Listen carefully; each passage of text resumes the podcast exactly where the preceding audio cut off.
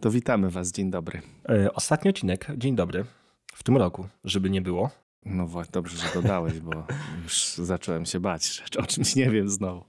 Nie, nie, nie, na szczęście ostatni w tym roku i Tomasz zdałem sobie sprawę z jednej rzeczy. My nie życzyliśmy słuchaczom wesołych świąt ostatnim. Tak nas ten ferwor nagrywania pochłonął, że niestety zapomnieliśmy o tym. No to wszystkiego dobrego na nadchodzący rok w takim razie, żeby już nie cofać się w czasie, a powiedzieć o czymś, co przed nami, więc Dokładnie. pomyślności wszelkiej i zdrowia życzymy wszystkim Wam. Dokładnie. Ja również, żeby nie było i mam nadzieję, że wy nam nawzajem. Standardowe, polskie życzenia. Tak jest. No dobrze, to co? Przechodzimy może do newsów najpierw. I ja bym zaczął od follow-upu. powiemy w kilku słowach? Dobra. Ja mam follow-up. Słuchajcie, w ostatnim odcinku żaliłem się na działanie naszego systemu nadawania PIN-u do nowych dowodów z warstwą elektroniczną. No i dzisiaj udało mi się po nie wiem ile to minęło, 12 dni, 13, w końcu uzyskać ten PIN.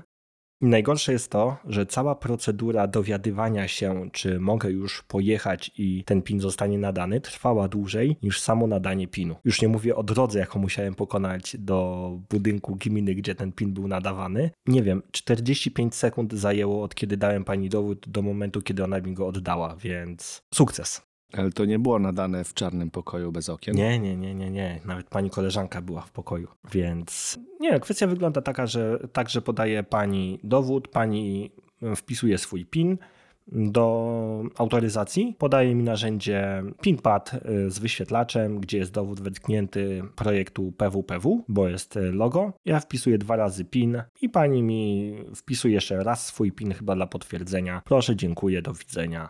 Tyle. No i pięknie. Czyli jednak może być dobrze. Tak, czekam teraz na pierwszą sposobność do podpisania umowy tym dowodem. To czekamy na relację w takim bądź razie, jak się uda to podpisać. A coś przed tobą? Już na pierwszy kwartał jakieś masz plany, żeby coś podpisać? No właśnie Jakiś nie. kredycik nowy, coś? Nie, coś? nie wymawiaj tego strasznego słowa, bo boję się 1 stycznia, kiedy po podwyżce stóp procentowych zostanie ściągnięta kwota, jaka mi jest wyświetlana obecnie w aplikacji. Okej, no f- fajnie, fajnie jest. Już nie chcę zaczynać tematu, jeżeli chodzi o koszty energii, bo, bo to, co się rzeczywiście dzieje, to, to jest bardzo ciekawa historia, jak to, jak to wszystko będzie dalej wyglądało, bo na razie no nie jest to tak kolorowo, jak ogłaszał Urząd Regulacji Energetyki chociażby. I retoryka jest też bardzo, moim zdaniem, taka niepewna, jeżeli takiego słowa mogę użyć. Ale dobrze, rozumiem, że mogę przechodzić, Karol, do Oczywiście. y, newsów. Ja mam dzisiaj dwa pytania. Czy ty masz coś dzisiaj, czy ja dzisiaj lecę z dwoma ode mnie? Mam, ale nie ma linku do niego, więc nie, nie, nie, nie.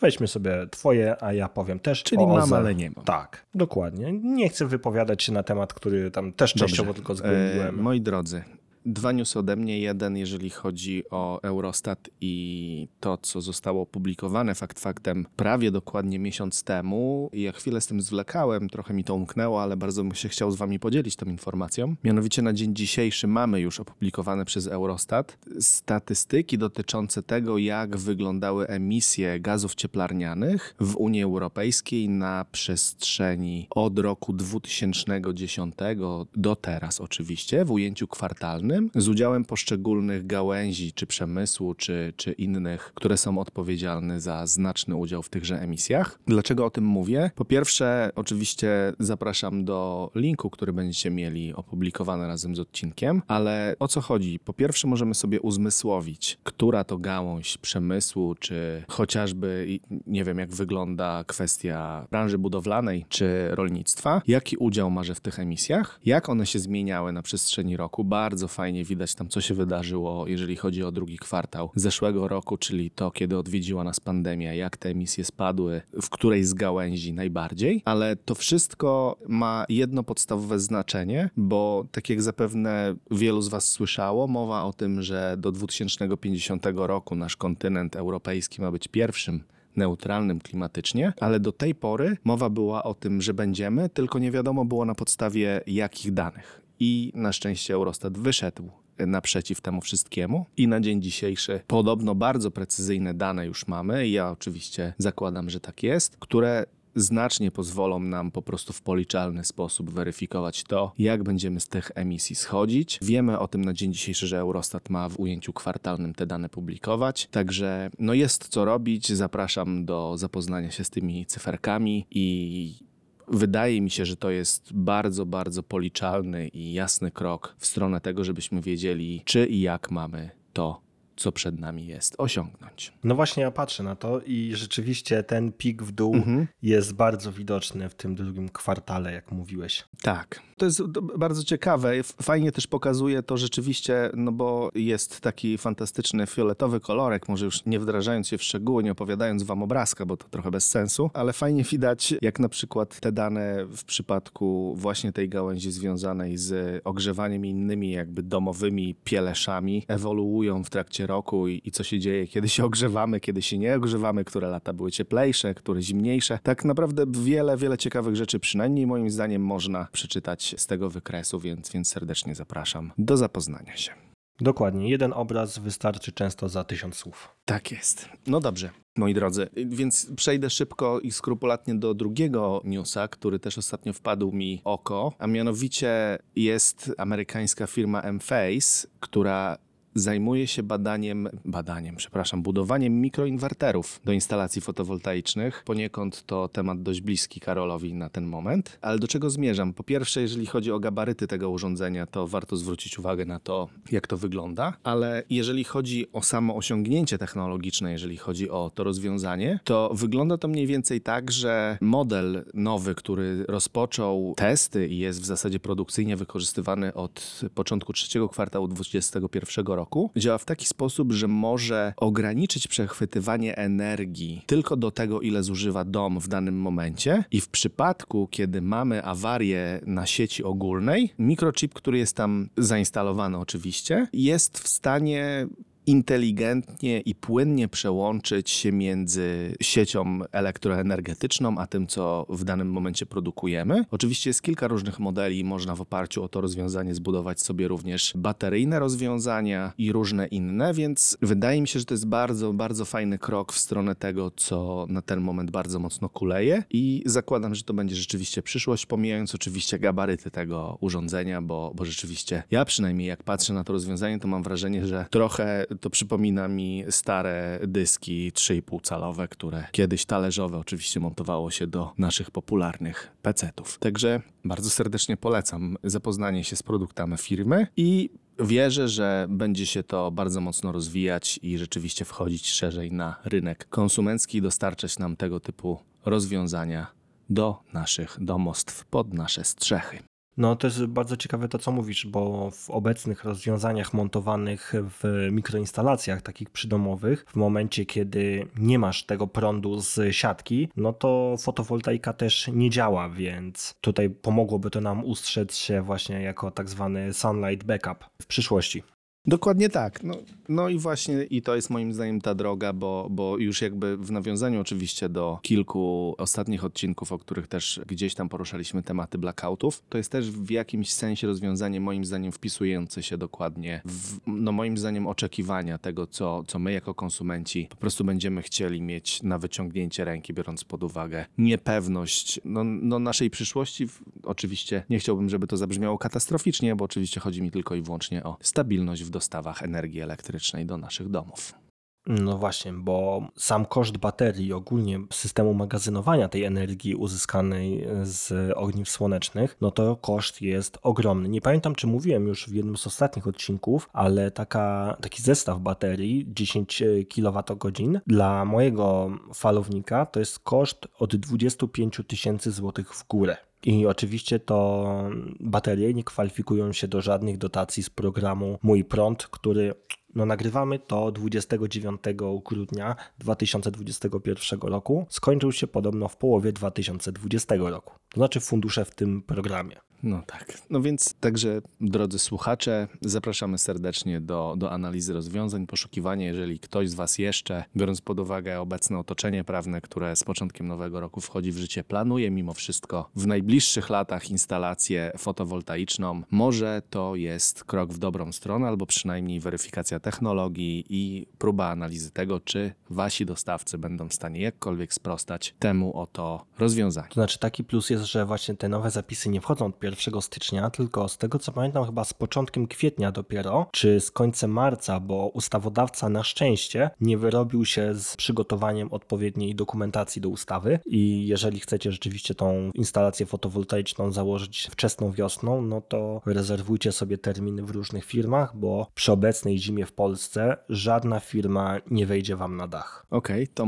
my bad w takim bądź razie. Ja miałem świadomość, że to jednak wchodzi od nowego roku, ale okazuje się, że jednak coś na kolanie przygotowane niekoniecznie musi wejść wtedy, kiedy było oczekiwane. No dobrze. Niesamowite, nie? Kto by się spodziewał? No ja się spodziewałem. Nie, Nie, żartuję. sytuacja jest taka, że dowiedzieliśmy się o tym jakoś na tydzień przed tym, e, jak moja instalacja miała być montowana, czyli to było, czy dwa tygodnie, to było pod koniec października ta informacja, tuż przed moim urlopem, bo pani, która odpowiadała prawnie i administracyjnie w firmie, która montowała moją instalację, właśnie mówiła, że spadł jej kamień z serca, bo przy obecnych dostawach falowników czyli zerowych praktycznie, będą właśnie na wczesną wiosnę część klientów z końca roku przenosić, no bo sprzętu nie ma, a na szczęście ustawodawca pozwala właśnie przenieść ten czas do końca marca. No tak, no więc dobrze. Wszędzie jest ten shortage chipowy niestety.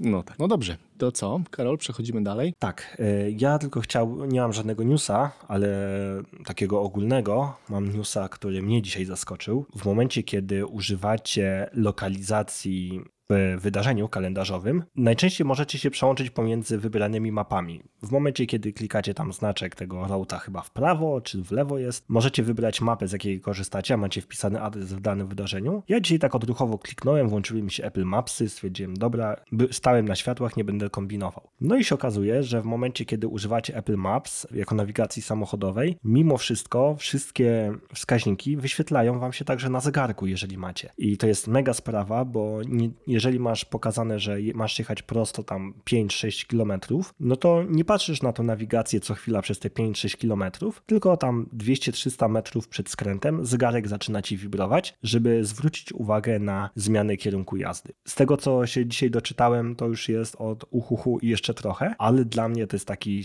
fajny news i mega udogodnienie i zastanawiam się, czy nie przesiąść się z Waze'a na mapy Google'owe, no w trakcie jazdy samochodem. Poczekaj na mapy Google'owe. E, Apple'owe, przepraszam. Czytam, tutaj mam ikonkę No Chroma e, po prawej stronie w doku i kurna, tak od razu powiedziałem o Google. A Ja nie na, na temat Google'a też będę chciał powiedzieć później. E, Znaczy w przyszłym odcinku chyba parę słów. Jak mi nie przywrócą dostępu do konta, to, to się będę żalił. Bye bye. Dokładnie. Okej, czyli co, teraz garść statystyk? Tak, tak. Garść statystyk, tak jak e, zapowiadaliśmy w ostatnim odcinku. Statystyki zrzucałem wczoraj, nie pamiętam, o 9 wieczorem było mniej więcej. Więc tak, słuchajcie, odsłuchaliście 30 odcinków, 1593 razy. Co moim zdaniem, nie wiem jak ty Tomasz uważasz, jest super wynikiem na taki malutki podcast, no i słabo reklamujący się póki co. No, znaczy wcale reklamujący się, powiedzmy wprost, tak? No bo nie prowadzimy żadnych kampanii, więc nie wiem, ja jestem zachwycony. Ja tak więc samo, wzrost jest organiczny. Dziękuję bardzo. Dokładnie. I słuchajcie, pierwszy odcinek miał chyba najwięcej wyświetleń. Znaczy nie chyba, tylko wiem. 117. 117 odtworzeń i to też jest super wynik. Pierwszą dziesiątkę zamyka Tomasz, chyba twój ulubiony odcinek, gdzie rozmawialiśmy o Kanim i jego performansach. I nie wiem, czy ulubiony, ale rzeczywiście taki, który gdzieś tam przygotowywałem. Najbliższy tobie chyba. No, no powiedzmy, że tak. Chociaż mam innych ulubieńców. No to ten odcinek razem z podsumowaniem konferencji Spring Louded był wyświetlany 58 razy. A pierwsza trójka to są nasze pierwsze trzy odcinki, czyli odcinek eksperymentalny, oczywiście zgadza się i szlachetne zdrowie, gdzie rozmawialiśmy na temat Apple Watcha chyba głównie. Tak, i, i jego konotacjach z naszymi zdrowotnymi zachowaniami. No i co do lokalizacji, z których nas słuchaliście, przeważa Polska 93%, 4% to jest United States i 2% to są Niemcy. No tutaj takie pomniejsze kraje typu Hiszpania, Zjednoczone Królestwo, Włochy, Chorwacja, Francja i Argentyna. Wydaje mi się, że po prostu ktoś musiał przez przypadek nas kliknąć, a Stany to jest kwestia tego, że zasysają nas wszystkie aplikacje, które mogą synchronizować katalogi podcastowe i najprawdopodobniej są trzymane gdzieś w AWS-ie czy innym Azure i dlatego te Stany się tak często pojawiają. Ale ta Argentyna to mnie, powiem ci, zaciekawiła. Tak, słuchaj, powiem ci, że chyba przez jakiś czas Chile też mieliśmy, ale no nie pamiętam, żeby kiedy to było, mogłem zrobić zrzut ekranu. W każdym razie. No nic, dziękujemy w każdym razie, czyli przechodzimy do następnej garści. Tak, to ja bym nawet połączył dwie garści w jedną, bo okazuje się, że iPhone i usługa Apple Podcast to są najczęściej słuchane urządzenia oraz usługi. iPhone ma prawie 53%, Apple Podcast jest to prawie 50%, 49,6%, więc Trafiamy do grupy docelowej. Chciałoby się powiedzieć. Tak, jako że my stoimy ekosystemem Apple'owym, ten ekosystem nas tam gdzieś wciąga. Następny jest co do aplikacji Pocket Cast, Overcast, Spotify, web browser, więc jeżeli oglądacie i słuchacie, czy na, słuchacie nas, przepraszam, w przeglądarce, nie róbcie sobie tego, proszę was. Przerzućcie się do jakiejś aplikacji, nawet na tego znienawidzonego przeze mnie Spotify'a. Następnie jest Castro, Google Podcast oraz inne. Niestety nasz serwer hostingowy podcastu nie definiuje, czym jest inne, co mnie bardzo boli, ale boli mnie też to, że polecana przeze mnie wielokrotnie aplikacja Overcast jest dopiero na trzecim miejscu. Oj, tam przynajmniej na pudle stoi Karol. No. Tak, Marko byłby bardzo niepocieszony, niestety zakładam. no dobrze, czyli za nami garść statystyk. Cóż, miejmy nadzieję, że kolejny rok będzie tylko lepszy. Dokładnie. Życzmy sobie i wam, i sobie tego I chcieliśmy też, zgodnie z podsumowaniem roku, zrobić takie nasze podsumowanie trzech głównych filarów: aplikacja, sprzęt i usługa. Tak jest. To od czego zaczynamy? Chyba po kolei. Od tego, gdzie jesteśmy zgodni? Tak, A widzisz, mój sprzęt się nie zsynchronizował. Dobrze. Zacznijmy od usługi, z której oboje korzystamy od jakiegoś czasu i zdaje się, że jesteśmy zachwyceni. Zatem nie jest to sponsorowana treść, ale myślę, że obaj co do zasady bardzo mocno zgadzamy się z tym, że Orange Flex jest tym, czego nam było trzeba i co rzeczywiście doskonale wpisało się w tą lukę na rynku usług GSM, której bardzo, bardzo nam brakowało i, i cóż, no mogliśmy dzięki niej rozwinąć skrzydła, bo zdaje się, ty w tym roku się przeniosłeś, ja również i nie narzekam i w ogóle nawet nie, nie, nie próbuję myśleć o tym, że mógłbym zrobić coś innego. Tak, jakoś w tym roku się przeniosłem chyba mm, na początku mniej więcej. Przyniosłem swój numer z Playa, z którym miałem ogromne przeboje i mega problemy. Najpierw przyniosłem swoją małżonkę, co prawda, później siebie, bo niestety bardzo brakowało mi eSIMa w Apple Watchu. Niestety tylko T-Mobile oferuje taką funkcjonalność oprócz Orange'a. Na temat T-Mobile'a też bym się chciał wyżalić, ale dzisiaj bardzo miły pan mnie wyjaśnił, że tak powiem, moje problemy i powiedział, że no, no, no nie da się ich rozwiązać w taki sposób, jak ja bym chciał. Ale wracając do Orange'a. Mega usługa, przedpłacona przede wszystkim, możliwość logowania się w aplikacji za pomocą Apple ID, no i zarządzanie rodziną. Nie wiem, Tomasz, czy ty zarządzasz jeszcze jakimiś numerami oprócz swojego? Nie, nie zarządzam. Moje panie zdecydowały się odejść z Playa do tej marki, o której przed chwilą powiedziałeś, że też chciałbyś się pożalić, więc zobaczymy jak to wyjdzie. Namawiałem na Flexa, nie udało się, zobaczymy. Ja mam taki problem jeszcze, bo moją małżonkę chciałem wciągnąć do swojego konta zarządzanego, ale się okazuje, że w momencie, kiedy ona jest właścicielką numeru, ja nie mogę zarządzać, a wolałbym wszystkie numery wiedzieć, kiedy trzeba doładować, kiedy trzeba zrobić jakiś przelew, chociaż robię to najczęściej w systemie rocznym, więc na cały rok doładowuję tyle, ile mam miesięcznie ściągać. No ale przede wszystkim, żeby taki numer przenieść pod moją kuratelę, to jest taka sytuacja, że musimy na miesiąc z jej numerem odejść do innego operatora. W międzyczasie ja muszę przerejestrować numer na siebie i dopiero po okresie miesiąca mogę zaprosić ją do mojej rodziny w, we Flexie. Niestety nie da się tego zrobić tak bardzo ładnie, ale tutaj też konsultanci z Flexa wyjaśnili mi to dosłownie w dwie minuty. Też mówili, dlaczego tak się nie da, no ale tutaj to już jest chyba nie temat na podcast. Chcieliby, ale się nie da. No jasne, no ale cóż, więc polecamy bardzo serdecznie. Naprawdę, tym bardziej, że Orange ma zasięg międzynarodowy, no i w momencie, kiedy macie nawet ten podstawowy pakiet chyba za 25 zł, dostajecie z automatu w roamingu 2,92 GB do wykorzystania, z czego ja korzystając za granicą, nie byłem w stanie tego zużyć przez 8 dni. Poza tym, możliwość polecania. Tomasz, to też e, nie wiem, czy to miałeś okazję korzystać. Możliwość polecania użytkowników. No nie, nie, nie chciałem polecić, no ale cóż, no. A to szkoda, że nie mówiłeś, że, że ty się będziesz przenosił, to ja bym ciebie polecił. Ale ja się przeniosłem, nim ty się przeniosłeś. A, to ja nie wiedziałem. Ja już jestem długo, prawie rok. A, no to widzisz, to ty, to mogłeś mnie polecić. Dokładnie. Polecajki są bardzo fajne we Flexie, bo w momencie, kiedy ja się przenosiłem, to było tak, że osoba polecająca dostawała 70 zł, a osoba polecana 30 do wykorzystania we Flexie, bądź do przeniesienia na własny numer. Przepraszam, na własną kartę, co ja mówię, na kartę płatniczą. Więc to jest bardzo prokonsumenckie rozwiązanie. No ale dobra, nie będziemy się chyba rozpływać. Przejdźmy może do aplikacji.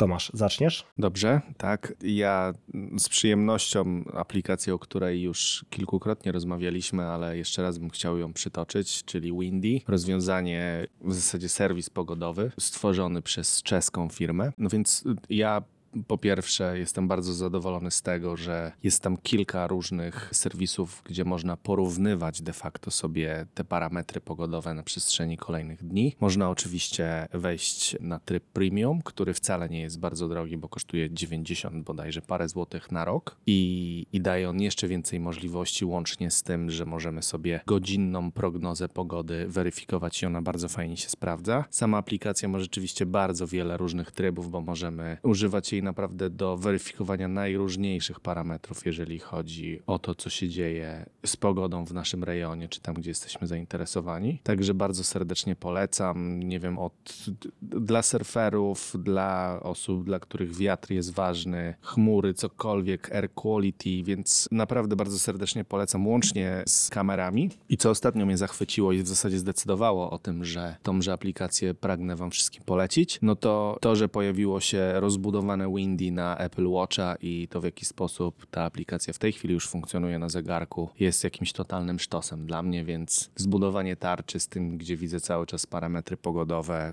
jest dla mnie naprawdę świetnym rozwiązaniem, bo, bo nie muszę robić nic, żeby sobie rzeczywiście zweryfikować to, na czym mi aktualnie zależy. Także jeszcze raz serdecznie wszystkim polecam aplikację Windy. No ja Windy zacząłem korzystać jakiś czas temu z twojego polecenia, nie ukrywając. Też mi się bardzo podoba ta aplikacja, jestem na planie darmowym. Powiedz mi, czy trzeba mieć premium do używania jej na Apple Watchu? No to jest właśnie dobre pytanie, które miałem też tobie zadać, bo ja tego nie wiem, bo mam premium już od, od jakiegoś czasu, od nie wiem, prawie dwóch lat. Także nie wiem, a rozumiem, że nie masz aplikacji, nie, nie, czy, czy instalowałeś ją sobie na Apple Watchu?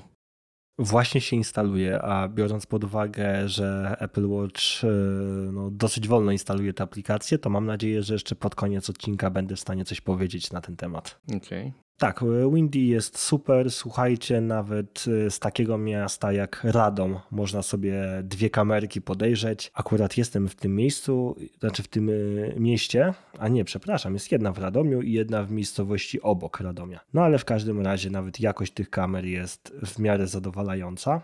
U mnie z kolei aplikacją jest. Ja za każdym razem ją chyba polecam. W zeszłym y, roku chyba, znaczy w zeszłym roku, na początku podcastu też o nim mówiłem, że to jest jedna z aplikacji, dla których kupuje się Maca i jest to oczywiście OmniFocus. Jest to mój, e, moja aplikacja To Do, Getting Things Done. Bazuje na tym modelu stworzonym przez e, Davida Alena i to jest aplikacja, która ma wszystko. Kupuję bez problemu upgrade do nowej wersji, wychodzi mniej więcej co 2-3 lata i bardzo mocno jaram się na wersję czwartą, którą testuję w becie.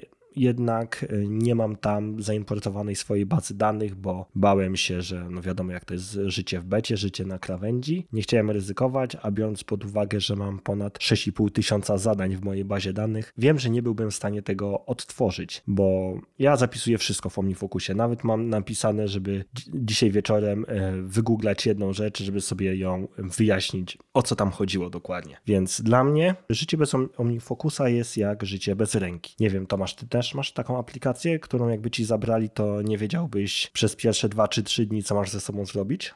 Nie no, aż tak to może nie, ale rzeczywiście to już któryś raz, kiedy o tym rozmawiamy i, i chyba jestem coraz bliższy tego, żeby spróbować się przesiąść z coraz bardziej topornego rozwiązania, które rozwija się, ale nie w takim tempie, jakbym chciał. No i nie będę wymieniał jego nazwy, także zobaczymy, jak to wyjdzie, ale, ale generalnie no cóż, ja kanbanowo, tak jak już kiedyś rozmawialiśmy, podchodzę do tematu. No to nie jest, nie jest dla ciebie OmniFocus.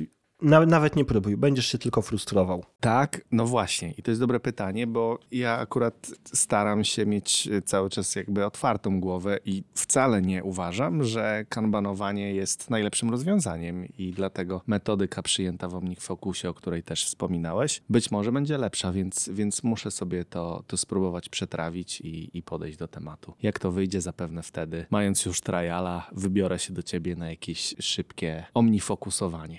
No właśnie, e, polecam. Polecam sobie sprawdzić. Ja jestem cały czas na etapie budowania tutaj skryptów, bo od wersji trzeciej jest bardzo duża możliwość skryptowania zarówno wersji desktopowych, jak i mobilnych i naprawdę, słuchajcie, można cuda robić. Są ludzie, którzy mają tak stworzonego OmniFocusa, że wrzucają sobie zadanie na maila, który jest spięty z waszym kontem OmniFocusa i FTT czy Zapier przerabia to zadanie, wyciąga najważniejsze, znaczy wyciąga z tego maila najważniejsze rzeczy i tworzy wam odpowiednie zadanie. Znam ludzi, czyli tutaj jest sławną w świecie omnifocusowym Rosemary Orchard. Jest to taka deweloperka, która w momencie, kiedy opisuje, jak ma zrobioną listę zakupów w Ikei, którą ma całkiem niedaleko domu i często w niej bywa, to mi się włos na głowie jeży, że komuś się tak chciało robić. Jeżeli chcecie coś więcej na temat Rosemary, no to jest jej blog rosemaryorchard.com oraz można ją znaleźć w kilku podcastach. Ja wszystko zalinkuję w opisie odcinka. O, dziewczyna nawet napisała z jednym z, jeszcze jednym deweloperem, który się zajmuje rozwijaniem skryptów, książkę Jak dobrze zarządzać OmniFocusem. Aż tak, no dobrze. E, ja cały czas się przebijam przez książkę pana doktora Kuroshiego Dini na temat budowania workflow w OmniFocusie i co ten człowiek też e, tam napisał, no to jest... Nie wiem, czy deweloperzy wiedzą, że takie rzeczy można robić z tą aplikacją. Okej, okay. no to rzeczywiście. No dobrze, czyli co? Usługę mamy, aplikację mamy i został nam sprzęt. Dokładnie. I może ja zacznę, pozwól, bo widzę, że synchronizacji brak, nie wiem czemu. No i nie będzie to tajemnicą, też o tym rozmawialiśmy, więc jakby fanfary na, na koniec roku uważam, że się należą jak najbardziej. No chyba ci nie zaskoczę, Karol, MacBook z procesorem M1. Uważam, że cóż, dla mnie rozwiązanie i, i sprzęt, który w tym roku naprawdę zrobił taką robotę, że jakby zostawił w tyle w zasadzie konkurencję i no i cóż, ja jestem zachwycony, więc jeżeli chodzi o, o wydajność, a ostatnio coraz częściej testuję w dość rozbudowanych środowiskach, gdzie, gdzie muzykę jakąś można sobie tworzyć, produkować i tak dalej, no to, to widząc, jak przysiadałem się z peceta, gdzie na jakiejś i7, czwartej czy piątej generacji robiłem podobne rzeczy, no to to, co się dzieje tutaj, rzeczywiście daje radę, także no już nie wspominając o bieżącej pracy, także myślę, że to też nie jest oczywiście zaskoczeniem dla wielu z Was, bo, bo, bo niejednokrotnie rozmawialiśmy już o tym, także ja bardzo serdecznie polecam poodkładać i, i rzeczywiście, co prawda już teraz nie będzie innej możliwości, prawda, bo Intel już w zasadzie odpłynął całkowicie od, od platformy Apple'owej, więc no cóż, wydaje mi się, że kierunek jedyny słuszny, także, także ja bardzo serdecznie polecam i, i pozdrawiam. A ja też polecam bardzo zazdroszczę, że mogłeś już przesiąść na tą M1. Przede wszystkim jeżeli chodzi o pracę na baterii, bo ja teraz, tak jak już wielokrotnie mówiłem, pracuję na 15-calowym MacBooku z 2018 roku. No i praca na baterii z tym urządzeniem to jest w ogóle jakaś klęska. Ja od kiedy jestem na urlopie, co siadam do tego komputera, to muszę go naładować. Nieważne, czy wrzucam do plecaka komputer naładowany w 100%, czy wrzucam komputer w naładowanych, tak jak teraz mam, 65%, ten komputer, co go wyjmę z plecaka, krzyczy, że ma słabą baterię. A nawet do tego doszło, że mam uruchomionych, słuchajcie, aplikacji, mam Safari, OmniFocusa i Signala. To są jedyne uruchomione aplikacje, jakie mam. Co prawda zajmują już tam 18 giga w ramie, ale no w momencie, kiedy ja wkładam uśpiony komputer do plecaka i wyjmuję rozładowany, no to mnie zaczyna już szlak powoli trafiać. Już nie mówiąc o tym, że kiedy odblokuję Turbo Boost, no to komputer muszę kamieniem przygniatać, żeby mi nie odleciał. Cóż, no niesamowity kontrast w kilku zdaniach. Właśnie, Tomasz, chciałem zapytać, czy ty w końcu słyszałeś wentylatory u siebie w komputerze od roku, kiedy używasz tej M1? Nie, nie, nie. Może dlatego, że często siedzę w słuchawkach. Nie, ale tak, no, no co do zasady oczywiście podpisuje się bateria. Ja w zasadzie o tym zapomniałem i przyznaję się bez bicia, że po prostu zasilacz momentami nie jest mi w ogóle potrzebny, więc... Ale dobrze, ja nie będę kontynuował tej wypowiedzi, bo, bo nie chciałbym zdenerwować cię w starym roku. Nie, ja już się nie denerwuję, po prostu wiem, że mu, jadąc gdziekolwiek muszę mieć zasilacz w plecaku, bo siedziałem ostatnio u siebie w Home Assistancie, rzeźbiłem, wyjmuję komputer z plecaka, i tutaj jest ta informacja w prawym górnym rogu, że e, your Mac is going to sleep e, if you do not e, plug the mm, charger, coś takiego. No, mówię, no fajnie, patrzę, mam zasilacz. Oczywiście, że nie mam bo po co miałbym go brać ze sobą, nie? I 10 kilometrów do miejsca, gdzie przebywałem z zasilaczem, po zasilacz i z powrotem, żeby móc cokolwiek popracować ze smart home'em.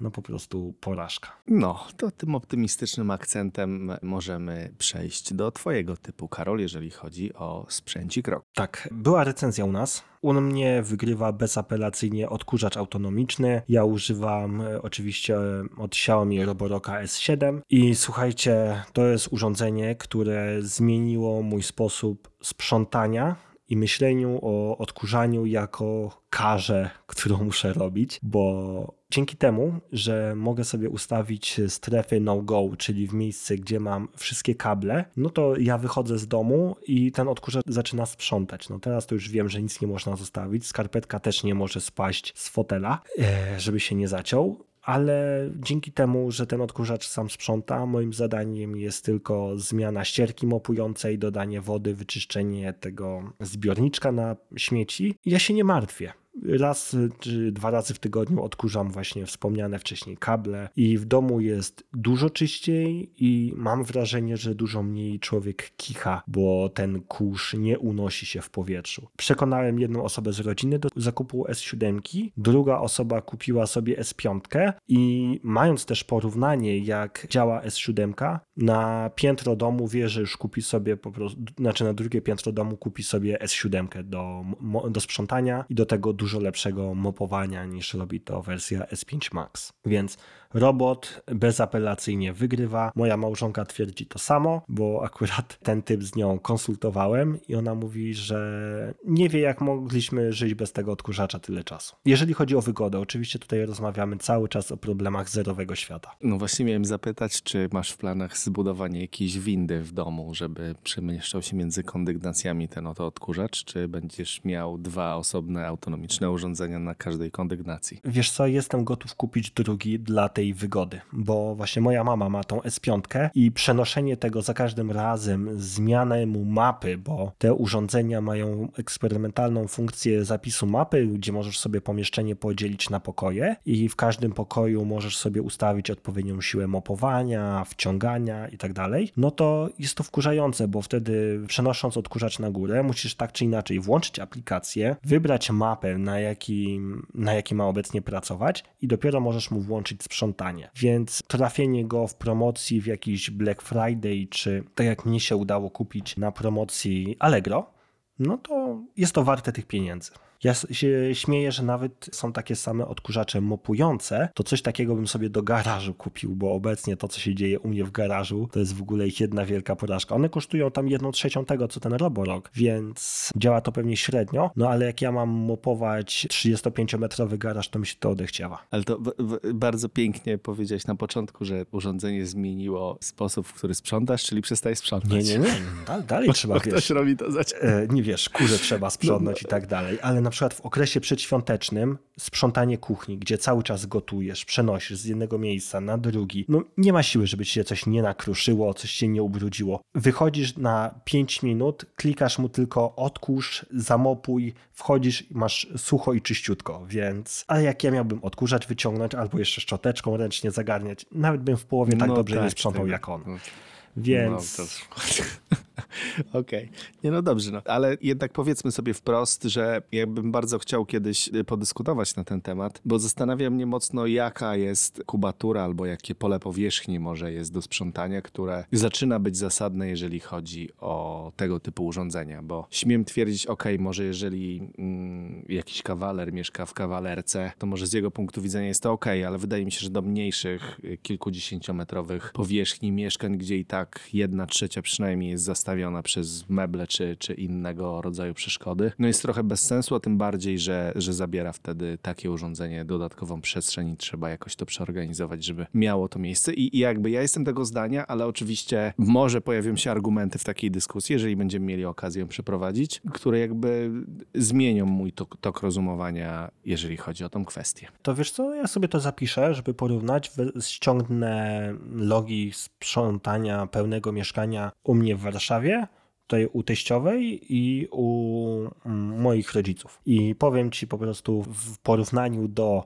powierzchni mieszkania, a powierzchni rzeczywistej sprzątającej, jak to wygląda. No okej, no to ja chętnie przyjmę takie dane, bo, bo, bo, bo sam bym sobie to, to, że tak powiem, opracował, tym bardziej, że ja właśnie jestem z tej grupy i jakby jak już nawet mam wybrane miejsce i, i opracowałbym system automatycznego otwierania szafy, żeby ten oto diabełek mógł wyjechać ze swojej komory, tak dalej, nie czuję tego tematu, więc Powiem ci tak, u mnie w mieszkaniu, jako że mam dosyć małe mieszkanie tutaj w Warszawie, no to jest rzeczywiście na widoku. Mama mojej żony ma pod szafką telewizyjną, także tak naprawdę wie, że ten odkurzacz jest ona i kot, który w momencie jak widzi ten odkurzacz sprzątający, to włącza tryb łowcy, siedzi i tylko obserwuje, głowa jej się kręci, e, żeby pilnować, ten odkurzacz jeździ, a jak zaparkuje, to potrafi siedzieć 10 minut wpatrzona w e, ten odkurzacz, czy on czasem się nie ruszy, więc zwierzęta różnie reagują, a z kolei u moich rodziców, słuchaj, jest zaparkowany pomiędzy kwiatami i też go w ogóle nie widać. Znaczy, jasne, no, no i teraz właśnie o to chodzi, bo to nawet nie chodzi o to, żeby go nie było widać, co żeby nie zabierał po prostu tej dodatkowej przestrzeni, więc jeżeli Tak, jest tak, zgadzam się. gdzieś takie, no bo to, to co, no, nie oszukujmy się, że to tak w porywach to do około pół metra kwadratowego, tak, byśmy musieli zarezerwować sobie na, na to, żeby ta stacja bazowa i ten odkurzacz po prostu się zmieścił i miał tyle przestrzeni, ile potrzebuje. Dokładnie, on ma chyba 35-40 cm średnicy, więc oczywiście jeszcze ta stacja bazowa musi być odpowiednio odsunięta od ściany, więc no tak, pół metra to spokojnie będzie zajmował. No dobrze, więc jakby będziemy wiedzieli, jaką mamy powierzchnię całkowitą, jaka jest powierzchnia sprzątana i zobaczymy sobie, jaki udział w tym wszystkim ma ten odkurzacz, ile to jest procent i zobaczymy, jak to wyjdzie rzeczywiście na liczbach. Ja chętnie takie coś przeanalizuję, bo to jako miłośnik cyferek to, to, to coś ciekawego będzie. No to co to masz? Chyba mamy zamknięty temat. Polecajki jakieś masz, czy... Nie, ja nie mam polecajek. No to tak, miałem powiedzieć o Matrixie, więc jest koniec roku, nie będę się denerwował, ale chętnie polecę wam nową, kurczę, nie chciałbym tego nazwać komedią. Nowy film na Netflixie, który się nazywa O właśnie, Nie patrz w górę Don't look up. lub Don't Look Up. Tak, Słuchajcie, to ja też polecam. Adam McKay, tak się nazywa reżyser. Z tego co pamiętam, tak, Adam McKay. To jest ten sam gość, który stworzył Big Short. I biorąc pod uwagę, jak doborowa czołówka, powiedzmy śmietanka Hollywood gra, bo mamy takie nazwiska jak DiCaprio, Lawrence, Chalamet, Grande, czy, no, znaczy, no Ariana Grande, nie, przepraszam, Meryl Streep. Właśnie, Ariana Grande nie jest Hollywood, ale też jest dosyć znaną osobą. Jonah Hill, Kate Blanchett, więc nazwiska są świetne. Scenariusz też jest dosyć ciekawy, bo kluczymy wokół tego, ale o co chodzi? Para naukowców odkrywa lecącą w stronę Ziemi kometę, tak zwanego Planet Killera, która może zakończyć życie na Ziemi i to jest tak jak z pandemią. No, nikt nie wierzy, że to się dzieje. Wszyscy podchodzą w żartach i ogólne jest negowanie społeczeństwa e, tego faktu.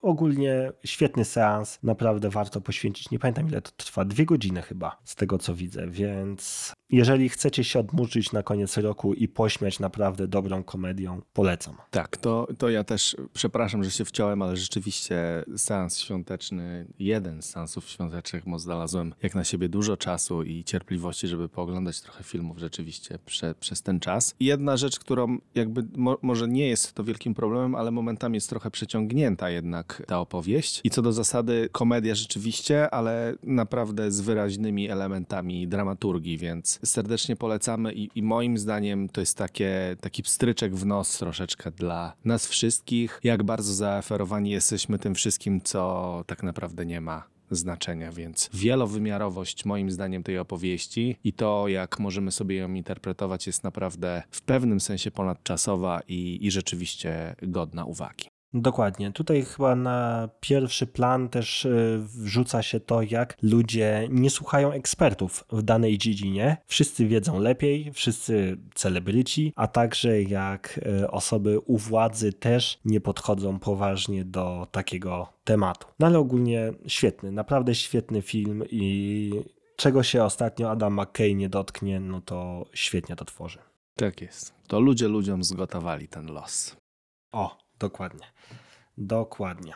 Pozwól jeszcze, że ja sprawdzę, czy zainstalowała mi się aplikacja Windy przez ten czas. Słuchaj, zainstalowała się. Robimy eksperyment na żywym organizmie i czy ona się uruchomi w wersji nie premium? Uruchamia się. Uruchamia się.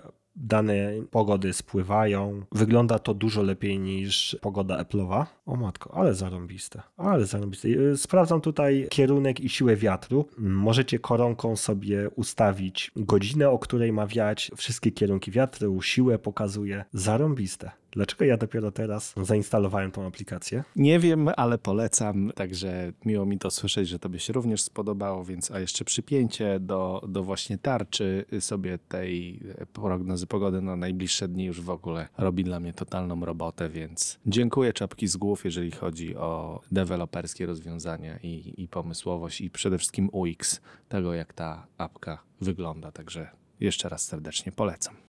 No dobra, i to chyba tyle, Tomasz, dzisiaj. Tak, to jak ostatnio nie było życzeń, to, to, to może dzisiaj dwa razy, więc jeszcze raz, drodzy słuchacze, dziękujemy za uwagę i z mojej strony wszystkiego najlepszego dla Was na nadchodzący 2022 rok. Oby był lepszy niż ten mijający. Wszystkiego dobrego, cześć. Na razie, hej.